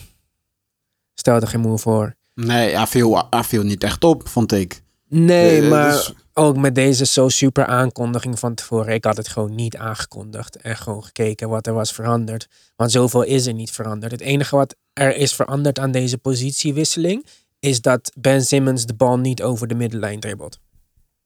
Dat is Ja, ongeveer waar het op neerkomt. En waar jij je zo boos over maken, dat hij steeds bij die dankingspad eh, bleef staan. Nu Dat heeft is hij eh, twee keer gedaan of zo. Ja, wel minder. Maar eh, dat, ja, ik vind dat frustrerend. Omdat hij daar... Ja, dan maak je gebruik van zijn hustle eh, kwaliteiten. En ik denk niet dat dat de beste is aan zijn game. En ik denk ook dat je Kylo Quinn op die positie kan neerzetten met hetzelfde resultaat. En dat Ben Simmons als playmaker gewoon ja, meer van toegevoegde waarde is. Maar als Ben Simmons een open drie kan raken, dan eh, ben ik positief. Als hij de bal nog steeds eh, in de fast break kan pushen, ben ik positief. Ik vind niet dat hij degene moet zijn die in de fast break naar voren rent, wacht op een paas van iemand anders. Want dan ja, haal je zijn grootste kwaliteit weg. En dat is zijn playmaking ability. Ehm, Tobias Harris. Ik weet niet of jullie eh, hem een beetje hebben bekeken. Begint me ook een beetje te irriteren. Dat eh, hij zoveel ISO mag spelen. Dan denk ik van ja, ik vind misschien op dit moment zelfs Mello nog een betere speler dan Tobias Harris. Tobias Harris is een soort van Carmelo Anthony light, light, light, light, light. Kan zijn eigen schot creëren, kan met de dribble pull-up een beetje scoren. Maar het moet gewoon meer verdeeld worden. En Embiid, hè, de center, stond geen één keer in de buurt van de basket. Ik denk dat hij Nee, meer drie nee. punten heeft genomen dan dunk attempts. Ja. Dus ik snap niet wat nou dan precies veranderd is. Ja, ja, ik, niet zoveel. De datum. ja, ik vraag me af, is dat echt de coach of kiest hij ook zelf een beetje voor? Want hij Ja, zegt ik- van niet, maar... Ja, maar kijk, ik, ik snap het niet. Want nu had je gewoon geen reden. Ben Simmons stond aan de zijkant. Gewoon op die, die eh, korte hoek eh, driepuntlijn. Ja. En hij neemt gewoon van de kop van de Buckets driepunters. Ja, Voor dus wat dan? Wat is het nut van dan dat Ben Simmons niet aan de binnenkant staat? Ik snap het helemaal niet. Ja, is dat de coach of doet hij dat gewoon zelf? Ik denk hij doet het echt zelf hoor. Ik denk dat hij, ik denk gedeeltelijk beide, maar ik denk ook dat hij heel moeilijk te coachen is. Ik denk dat als hij lui voelt die dag, dat hij gewoon denkt, "Mwah, ik ga een paar drietjes schieten en tweede helft ga ik toch niet spelen en dit telt niet. La, la, la. Ik denk dat hij wel zo'n speler is die niet echt komt opdagen op momenten dat het er niet om gaat. Hm. Ja. Ja. Ja, hij een beetje gemakzuchtig misschien van, kijk, als ik... Hij denkt, als ik die eerste drie punten raak schiet, dan wordt de wedstrijd eh, makkelijker voor mij. ja, ik precies. Gewoon en een paar zo- keer proberen. Ja, ja, precies. En dan, ja, als hij die eerste drie dan mist, dan eh zakt de verdediger. Dan wordt het een, een, een moeilijker spelletje. Maar, nou, Ja, precies Inderdaad. wat jij zegt. Zak de verdediger, dat is een heel goed punt. Hm. Want je zag dat de verdediger die eerst close-out maakte op die drie punten tem, bij de derde en de vierde poging dacht van ja, fuck deze shit. Ja, Neem dat precies, kom. maar. En dan gaat de Ja. verdediger in de paint staan en is er weer geen ruimte om te drijven voor niemand. Niet voor Josh Richardson, niet voor Tobias Harris en niet voor Ben Simmons. Dus Hm. als dit zo doorgaat, dan heeft het geen enkele zin. Als de verdediger van Embiid, de verdediger van Embiid zou voor een double team moeten callen. En niet moeten Ja. zakken in de paint. precies. Nou, om even nog kort wat over Memphis eh, te zeggen. Eh, ja, het zag er niet goed uit. Je, je, ja, Jared Jackson die eh, kwam over echt als de leider. Dat ze hem echt nodig hadden. Maar hij maakte te veel domme fouten. En ja, ja ik, ik, ik, ik weet niet. Ik keek echt ernaar en ik dacht, kom op, wie is de leider van deze team? Iemand moet even die eh, wilskracht laten zien. En dat was er gewoon niet. Ja, ik, ik vond dat op zich wel. Tenminste, eh, ik, ik weet niet. eh, ik heb niet echt zo gelet op de fouten van Jaren Jackson. Maar ik vond dat de sfeer in het team er wel goed uitzag. Tussen de oude spelers en de jonge spelers. Met Jang daar zo, met Morant. Kijk, Jaren Jackson was ook geblesseerd. Dus ik weet niet hoe fit hij is nu. Maar Ah. ik denk dat het team zeker potentie heeft. Alleen ik denk, ik denk dat ze die eh, achtste plek wel gaan verliezen. Omdat ze gewoon nog niet daar zijn. En ze hebben toch een paar veranderingen gemaakt. Ik denk dat Crowder en Solomon Hill vooral in de starting line-up hele eh, goede, stabiele factoren waren. En ook al zijn die veteranen die ze nu hebben als Jang ook eh, misschien in de kleedkamer eh, stabiele mensen.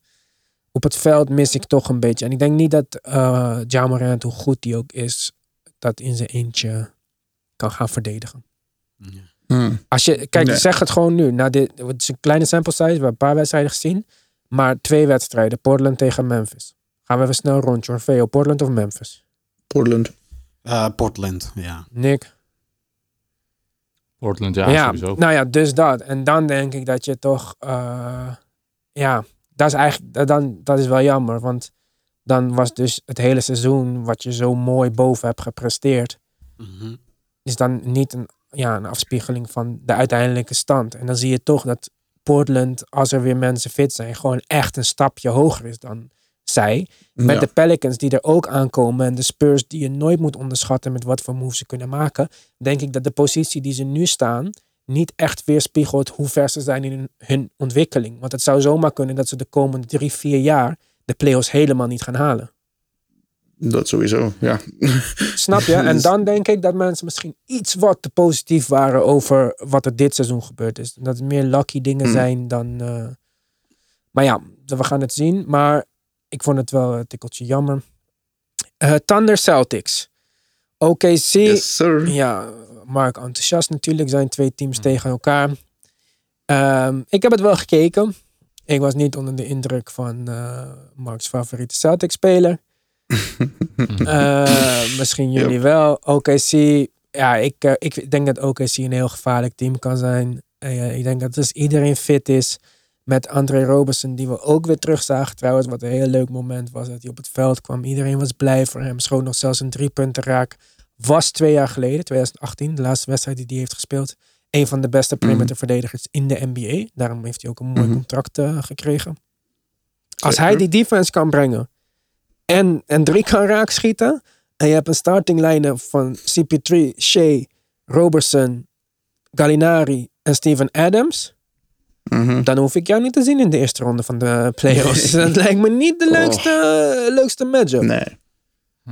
En eh, eerlijk gezegd, gewoon even over Chris Paul. Als je, als je had geluisterd naar de wedstrijd, je hoorde gewoon hem de hele tijd alles roepen. Hij wist alles dat de, dat de Celtics ging doen. En Brad Stevens op een gegeven moment, hij, hij ging niet meer praten, want dan wist gewoon CP3 wat zou er gebeuren. Het was echt gewoon bizar. Ja. En Brad Stevens zei al, ja, je kan daar normaal gesproken met de crowd, kun je daar een soort van, ja, ik kan gewoon wegkomen met dat. Maar hij zei, ja, wat moet ik eigenlijk zeggen? Want hij weet het. Ja, hij hij is onderschept zeg maar alle plannen. Als, eh, ja, precies. Ja. Zelfs bij die inbounds had hij een soort van idee. En je zag, Chris Paul in dit situatie is misschien een van de top 10 spelers die je kan ge- gebruiken om je gewoon team, team stabiel. Je kan altijd op hem relyen voor punten. Steven Adams, ik is een scrimmage, maar Ja, door die, Hij maar niet door die ene fantastisch spin move, uit. toch? Want dat vond ik ook wel verrassend. ik heb echt het gevoel dat Steven Adams gewoon zoveel meer vrijheid krijgt sinds Westbrook weg is. Dat hij gewoon niet eens weet wat hij ermee moet doen. Dat hij van, Ja, precies. vanuit lol maar gaat spinnen en zo. Ja. en eh, ik, ik moet eerlijk toegeven, die Celtics, ik dacht, ja, ze hebben wel een van die betere defenses. Als Nou. je kijkt naar. Maar Shea, eh Shea, Shai, Shea. moeten we, ja, als, Shea. ja, Shea. Ehm, hij kon met gemak Bij langs de ring komen de hele Ja. tijd. Dat viel me ook op. Ja, Ja, ja. en zijn, Ja. zijn afwerking aan de ring is ook. Hij heeft zo van die lange armen. Hij legt hem gewoon ja, onverwacht snel of, of Hij is echt goed. mak- makkelijk Hij is echt goed. De OKC, ook al hebben ze Paul George verloren en Westbrook verloren. En zag het er even uit alsof we op weg gingen naar een tien jaar lange rebuild en een verhuizing terug naar Seattle. Staan er ontzettend goed voor. Zijn gewoon voor mij in ieder geval sowieso tweede ronde kandidaten. Met een shitload aan draftpicks nog in hun achterzak. ja. en- Zoveel- Ja, die je niet eens nodig hebt. Je kan niet zoveel spelen Ja. op bureaus te kwijt. Ja. Zoveel draftpick hebben, draftpicks hebben zij. Chris Paul is in topvorm. Ik zou hem niet traden. Ik zou hem houden. Ik zou hem spelen met Shea. Ik zou hem laten, Shea laten leren van CP3. Zegt hij ook. Chris Paul is een grote invloed op mijn spel geweest. Maar even over die defense van Boston. Uh. Nick, vorige keer hadden wij een discussie. Jij zei van nou, die Thijs uh, is best wel goed. Als Thijs niet Adams kan stoppen, wat gaat hij dan doen Ja. met Marc Gasol en Joel Embiid? Ja, Ja. dat gaat hij niet doen. Ja, nee, ik, ja, nee, dat klopt wel. Maar Ik denk, ik ook denk dat het niet gaat werken, echt niet. Ik, ben, ik weet dat ik niet de, de Boston-fan ben van onze podcast. Nee. Maar dit is niet een anti-Boston statement of zo. Hun team defense was normaal gesproken heel goed. Nu een beetje mee tegenvallen. Kan zijn dat ze wat roestig zijn of wat dan ook. Maar als je geen rim protector hebt, want Thijs is in ieder geval geen rim protector. En een Shea kan naar de basket komen. En ook in de post kan je de center niet verdedigen. Ja, dan heb je echt te veel gaten. Dan kan Jason Tatum Kawhi zijn op de perimeter. Maar dat is niet genoeg. Ja, maar je kan nog een, eh, een taco val eh, erin gooien. Als geheime Misschien wapen. kan die impact. Ja, ik weet niet. Ja. ik, was, Ja. ik was teleurgesteld door de Celtics. Door al jullie enthousiasme Ja. ging ik ook naar ze kijken. En dacht ik van, oké, Ja, ja. laat me kijken naar Nee. die guaranteed eh, conference finalist. Maar ik Nee. zag dat echt Nee. niet. Ik zeg ook niet dat, het, dat ze het niet gaan halen. En ik zeg niet eh, dat, dat, dat ze niet goed zijn of zo.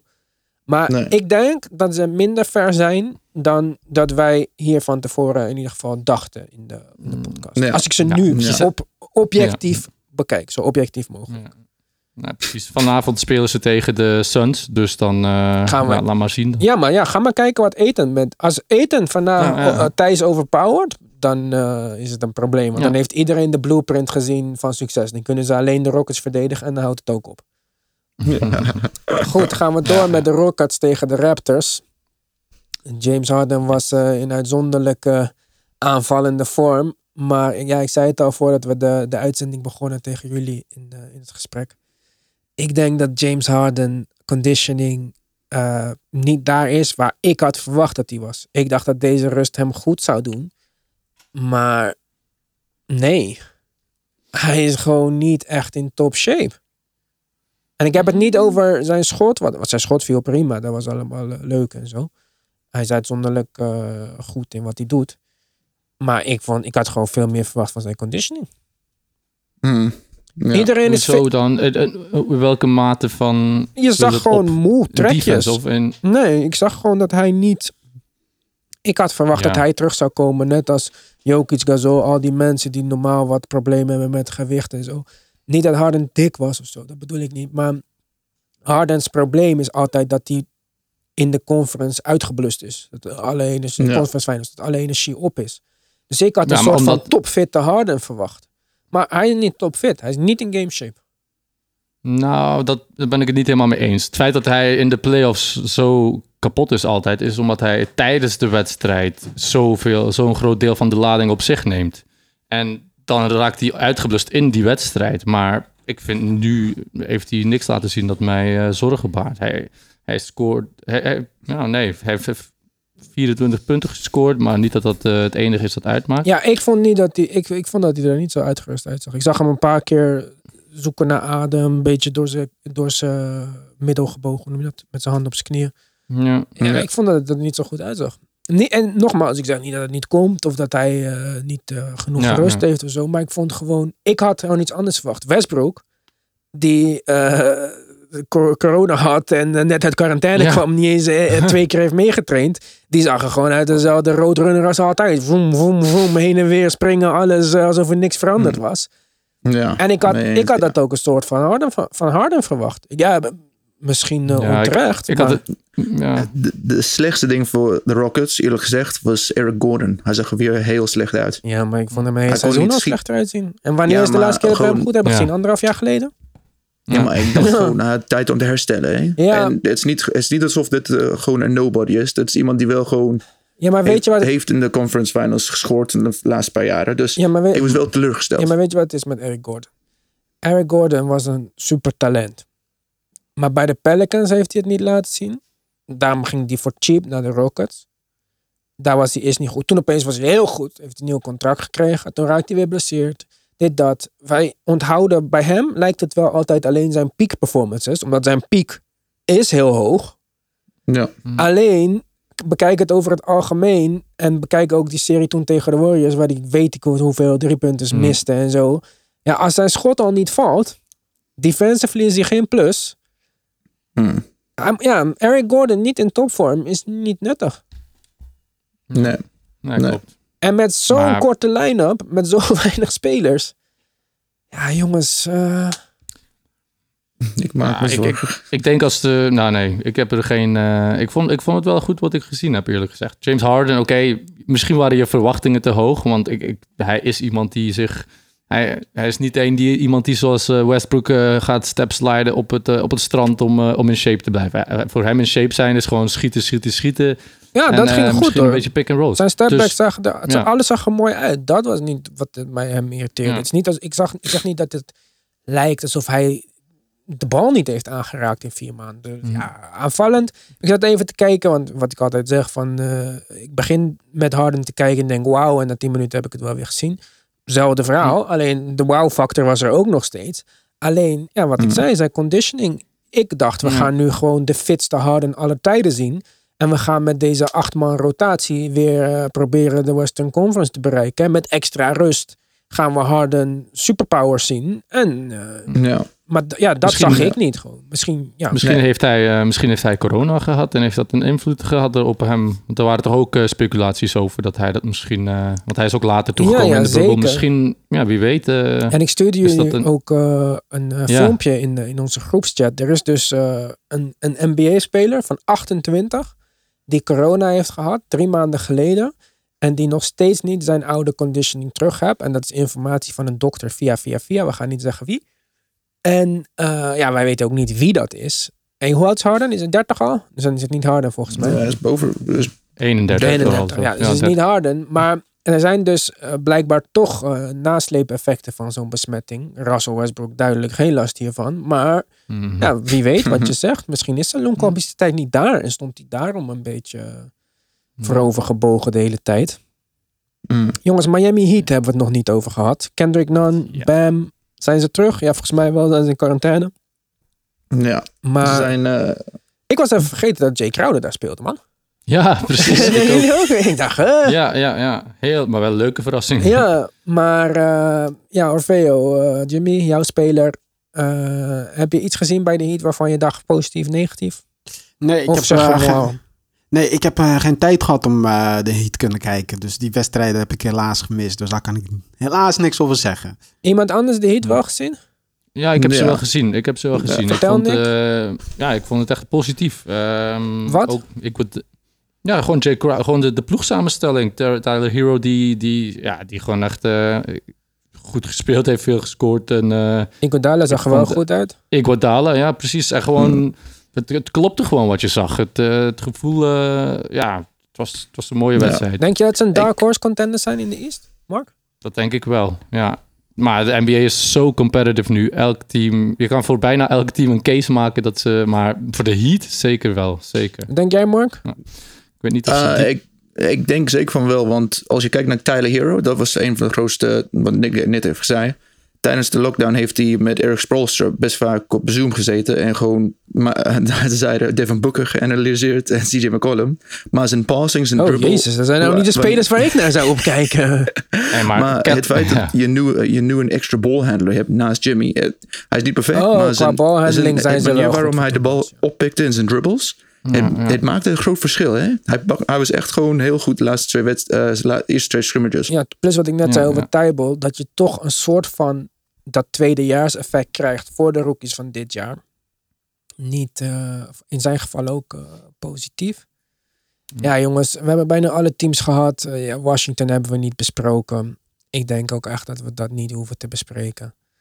Zo, Raptors moeten we misschien nog wel... ja, Raptors. Ja, inderdaad. Nog niet Ja. Goeie, gehad. Raptors. Skinny, Ga- Skinny Gazol is Ja. real. Dat was Ja. geen eh, neppe foto. Ja. Ja, we zeggen het maar verder dan.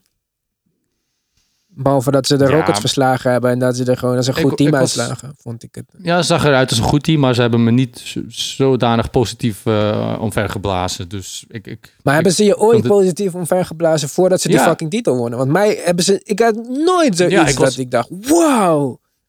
ja, ik vond ze altijd wel heel leuk. Zelfs met DeMar DeRozan eh, zag ik echt, Echt? wel... eh, ko- ja, echt wel. Vond Demar het, echt eh, zo'n verschrikkelijke speler. Maar goed. Ja, o- o- Nee, nee, over nee. de Mar gesproken. Ik heb de, tegen Brooklyn Nets gekeken. En ik dacht, nou, hij is nu de beste speler op het, eh, op het veld. Dus Ja, eh, laat maar zien. verschrikkelijk, Nou ja, dat kon je niet zien dat hij de beste speler was. Maar ja, het Hij is een scrimmage. Ja, maar dus misschien hij moet zo dacht snel hij ook... mogelijk weg daar. Hij staat zoveel mensen in de weg. Hij staat Ja, maar waar moet hij heen? Waar de Rozen heen moet? Ja, waar past hij OKC. bij? OKC? Bij OKC. Ja. What? Eh, Verpest mijn. Nee, niet. nee, Nee, nee. Hij gaat het verpesten voor OKC. Nee. Laat de niks. hij moet, Laat Ja. naar de niks. Ja, prima. Ga met eh Thibodeau. Je kan niet verdedigen. Ga kijken hoe dat gaat lopen. Nee, weet je wat ik vind dat de Rozen moet doen? Opt-out van zijn deal. En ergens bij een goed team tekenen voor een eh, mid-level exception. En six-man worden. Ja. Dat is zijn toekomst. Ja. Hij is Ja, niet goed genoeg meer om eh, starter te zijn in de NBA. Zijn Mm. schot is niet beter geworden. Het zijn die eindeloze midrange eh ISO-spelletjes die hij speelt. Hij is Ja, ook niet meer zo hij moet, snel. hij kan niet verdedigen. Ja, Ja, klopt. laat hem... Ja, de- klopt, ja. Weet je, Ik vond hem er leuk, je- leuk uitzien, explosief, smooth Ja, en zo. leuk maar uitzien. inderdaad, hij... Ja, maar is hij... Kijk, op dit moment is hij beter dan Lou Will? Nee, ja. Ah, ja, nee. hij krijgt wel 30 miljoen per jaar bijna daarvoor om starter te zijn ergens als beste speler. Dat is mijn punt. Hij zou, hij zou die Ja. ideale Lou Will zijn. Weet je wat Ja, hij moet precies. doen? Hij moet gewoon voor een minimumcontract bij de Lakers gaan spelen. En daar van de bank komen. En dan is hij six man of the year. Ja, nog, een, nog eentje erbij voor de Lakers. Nou, waarom niet, Hij joh? moet gewoon... De Lakers hebben alle Ja. hulp nodig die ze kunnen krijgen. Want de Clippers gaan dit jaar kampioen worden. En Kawhi wordt de eerste speler met drie Finals MVP's bij drie verschillende clubs. En komt daarmee in de top 5 alle tijden van beste spelers. 100%. What? Zo, 100%. Dat wel ben je, ben, ben je gekeerd? Ben je gekeerd? Hè? Nou, ik, ik eh, niet gekeerd, maar wat jij aan, aan het begin zei. Het feit dat Kawhi niet geblesseerd is. Het feit dat Paul George niet geblesseerd is. Dat Lou Will er beter uitzag dan voor de lockdown. Het feit dat ik was vergeten hoe goed Reggie Jackson kan zijn. Hoe goed Morris kan zijn. Hoe goed Noah nu is. Met Zubac die er nog aankomt. En Harold? Harold, ja, nog Harrell. een vergeten zelfs. En als je dan nog kijkt, Patrick Beverly. Het is gewoon Ja, een beetje ja, too much, man. En kijk, zelfs zonder al die spelers. Want als we gewoon kijken, bijvoorbeeld de Lakers. We hebben het, ja, die is weg, die is weg. We hebben het over mensen als Rondo en Bradley. Rondo en Bradley zijn niet beter dan Beverly en Lou Williams. En dan spelers die eh, Reggie Jackson, zo zelfs op dit punt. En dan als, dan, als we dan de twee topspelers gaan vergelijken, dan heeft iedereen natuurlijk een andere mening. Hè? LeBron, Anthony Davis of Kawhi, Paul George. Allebei kan je niet zeggen, je hebt ongelijk als je zegt dat één duo beter is. Maar als je dan gelijkwaardige duo hebt, waarvan één sowieso aanzienlijk verdedigend beter is, en de een heeft nog tien goede spelers en de andere hebben er nog tweeënhalf. Ja, Ja, en de, gewoon ook die mental edge die ze hebben, de Clippers, hè? en de coaching ook trouwens vergeten. Alleen nog maar, ja, dat wou ik net zeggen. De coaches alleen al. Vind ik Frank Vogel is niet echt een, een killer, vind ik. Eh, en, en Doc Rivers daarentegen wel. Het is gewoon een team vol killers, dus... Ja, Ja, zij, ze, zij hebben een veel diepere team. Ze zijn ook de favoriet. Dat kan, als iemand anders over denkt, dan moet hij wel echt een hele goede case maken. Want het is ja, Ja, zo hey, diep, een team. Ja, het is Bucks gewoon niet misschien? eerlijk. Nee, ook Bucks niet. op- Die zijn niet dieper dan de eh, Clippers. Maar Iwan, je hebt wel groot gelijk. Dus het- is Le- LeBron tegen Kawhi. Want Kawhi gaat voor zijn derde kampioenschap in de, voor een derde luister. team. En ook LeBron, hè? Kawhi is de. Dat is toch Kawhi, er is een. LeBron gaat voor een vierde. Ik zag. Ja, LeBron. Nee, nee, maar voor zijn derde team. Ah, Ja, ja, ja, ja, maar- ja. Derde team. Ja, dus LeBron Oh. ook. Maar eh, dus LeBron, Kawhi en Kareem eh, zitten in een speciaal groepje. Die zijn met twee teams Finals MVP geworden. Wauw. Kareem met de Bucks en de Lakers. LeBron, Cavs, Miami. eh hoe heet die? Kawhi natuurlijk met de. Spurs en eh, de Clippers. Mhm. Van die elite groep, die al dus zeer klein is, drie mensen ooit, is Kawhi de enige die Finals MVP en Defensive Player of the Year was. Ja. En als je kijkt, Ja, als je dus- even die twee verschillende teams weghoudt, want we kunnen natuurlijk niet de mensen benadelen die hun hele leven bij één club geweest zijn, dan komt Kawhi in een ander elite groepje. Finals MVP, Defensive Player of the Year, ook maar twee andere spelers. En dat vind ik nog een mooier, mooier groepje en mooiere namen. En daarbij komt hij eigenlijk in het rijtje van mijn favoriete spelers. en dat is Michael Jordan, Hakeem Olajuwon, Kawhi Leonard. Als Kawhi Leonard dit jaar zijn derde titel wint en Finals MVP wordt, is hij de enige speler aller tijden die met drie teams Finals MVP is geworden.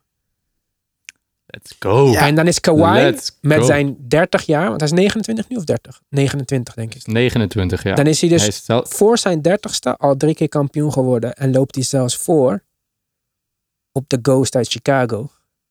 Qua leeftijd en titels. En dan Ja, en Kawhi. één seizoen gemist. En dan Kawhi, ja, en nog één seizoen gemist. En nog eh, meer jaren college gespeeld dan bijvoorbeeld die Lakers sterren. Maar dan is Kawhi dus op weg voor zijn dertigste met drie titels. Voor die six all-time. En bij de Clippers. Met al deze spelers. En als Met- de Clippers de ja, nieuwe goede hotspot wordt toekomst. voor... Poeh, kijk, nu, nu- En Toronto ook. En een goede owner, de Clippers. Dus de, de toekomst ziet er echt, echt goed uit. Eerste titel na twee teams. Wie, Mhm. wie als, hij in de Western, gedaan? als hij in de Western Back to Conference. Finals komt, dan is hij al verder gekomen dan de Clippers ooit zijn gekomen. Ze hebben nooit de Western Conference Finals gehad. Zelfs niet met Ja. Lob City.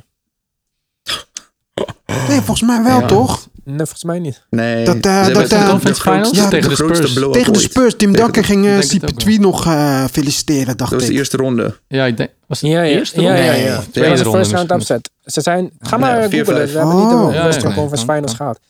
Ik, eh, Ja. Ik denk zomaar dat wij... Kijk, eh, vergeet niet... Ga, gelukkig hebben wij dit vastgelegd en opgenomen. En eh, staat het voor eeuwig op internet. Dat wij hebben gezegd, eh, vooral Nick en ik... Dat Kawhi eh, een van de topspelers aller tijden al is. Ik denk dat we over een tiental jaren... 10, 15, 20... heel anders gaan terugkijken op eh, wie in deze tijd de beste speler was. Want ik denk dat Kawhi uiteindelijk zal eigen, eindigen qua legende op de berg van al deze supersterren die we hebben gezien. Van een Kevin Durant, van een Steph Curry, van een LeBron James. Want ik denk dat het niet eh, blijft bij twee titels. En als Kawhi eindigt met vier, vijf titels en LeBron houdt het bij drie, dan weet ik niet hoe je dit gaat zien all-time over 20 jaar. Maar goed, Dan gaat het... eh, ja. Ah, dat je- is een eh, dat discussie die we later gaan Ja. hebben, want we Oh, lopen tegen het einde van deze aflevering af. We hebben al eh, een hoop besproken, bijna alle teams. Vanavond wordt er weer gebasketbald. Mark, gaan we samen kijken? Sixers tegen Thunder. Ja, ik vind het goed. Zes uur vanavond Ja. kunnen we het kijken op de League Pass. Daarna volgt eh, Celtics tegen de Suns. Kunnen we eventjes Devin Booker eh, in actie zien. Nog Mavericks, Pacers, Portland, Raptors, Rockets, Memphis. Jongens, donderdag begint het echt op Ziggo ook te zien. LA Clippers tegen Los Angeles Lakers. Dat is de tweede wedstrijd van die dag. Maar wel, eh, denk ik, de leukste opener eh, die we kunnen bekijken. Elke dag een wedstrijd op Ziggo. Elke dag natuurlijk ook wedstrijden op League Pass. Er zijn veel wedstrijden die voor ons in de avonturen vallen. Tussen 8, 9, 10 in. Dus dat is ook gunstig voor ons. Kunnen we een beetje op normale tijden NBA blijven volgen. NBA volg je ook door te luisteren op onze podcast. En door onze Instagram te volgen. At De basketbal podcast. ja, oké, die andere dingen laten we maar even zitten, want toch niemand kijkt daar. Maar eh, jongens, we gaan een superleuke tijd tegemoet. Wij willen dat graag delen met jullie. Dus blijf ons berichten sturen. Echt, we krijgen superveel leuke berichten, superveel leuke recensies. Dankjewel daarvoor. Iedereen die een recensie heeft achtergelaten.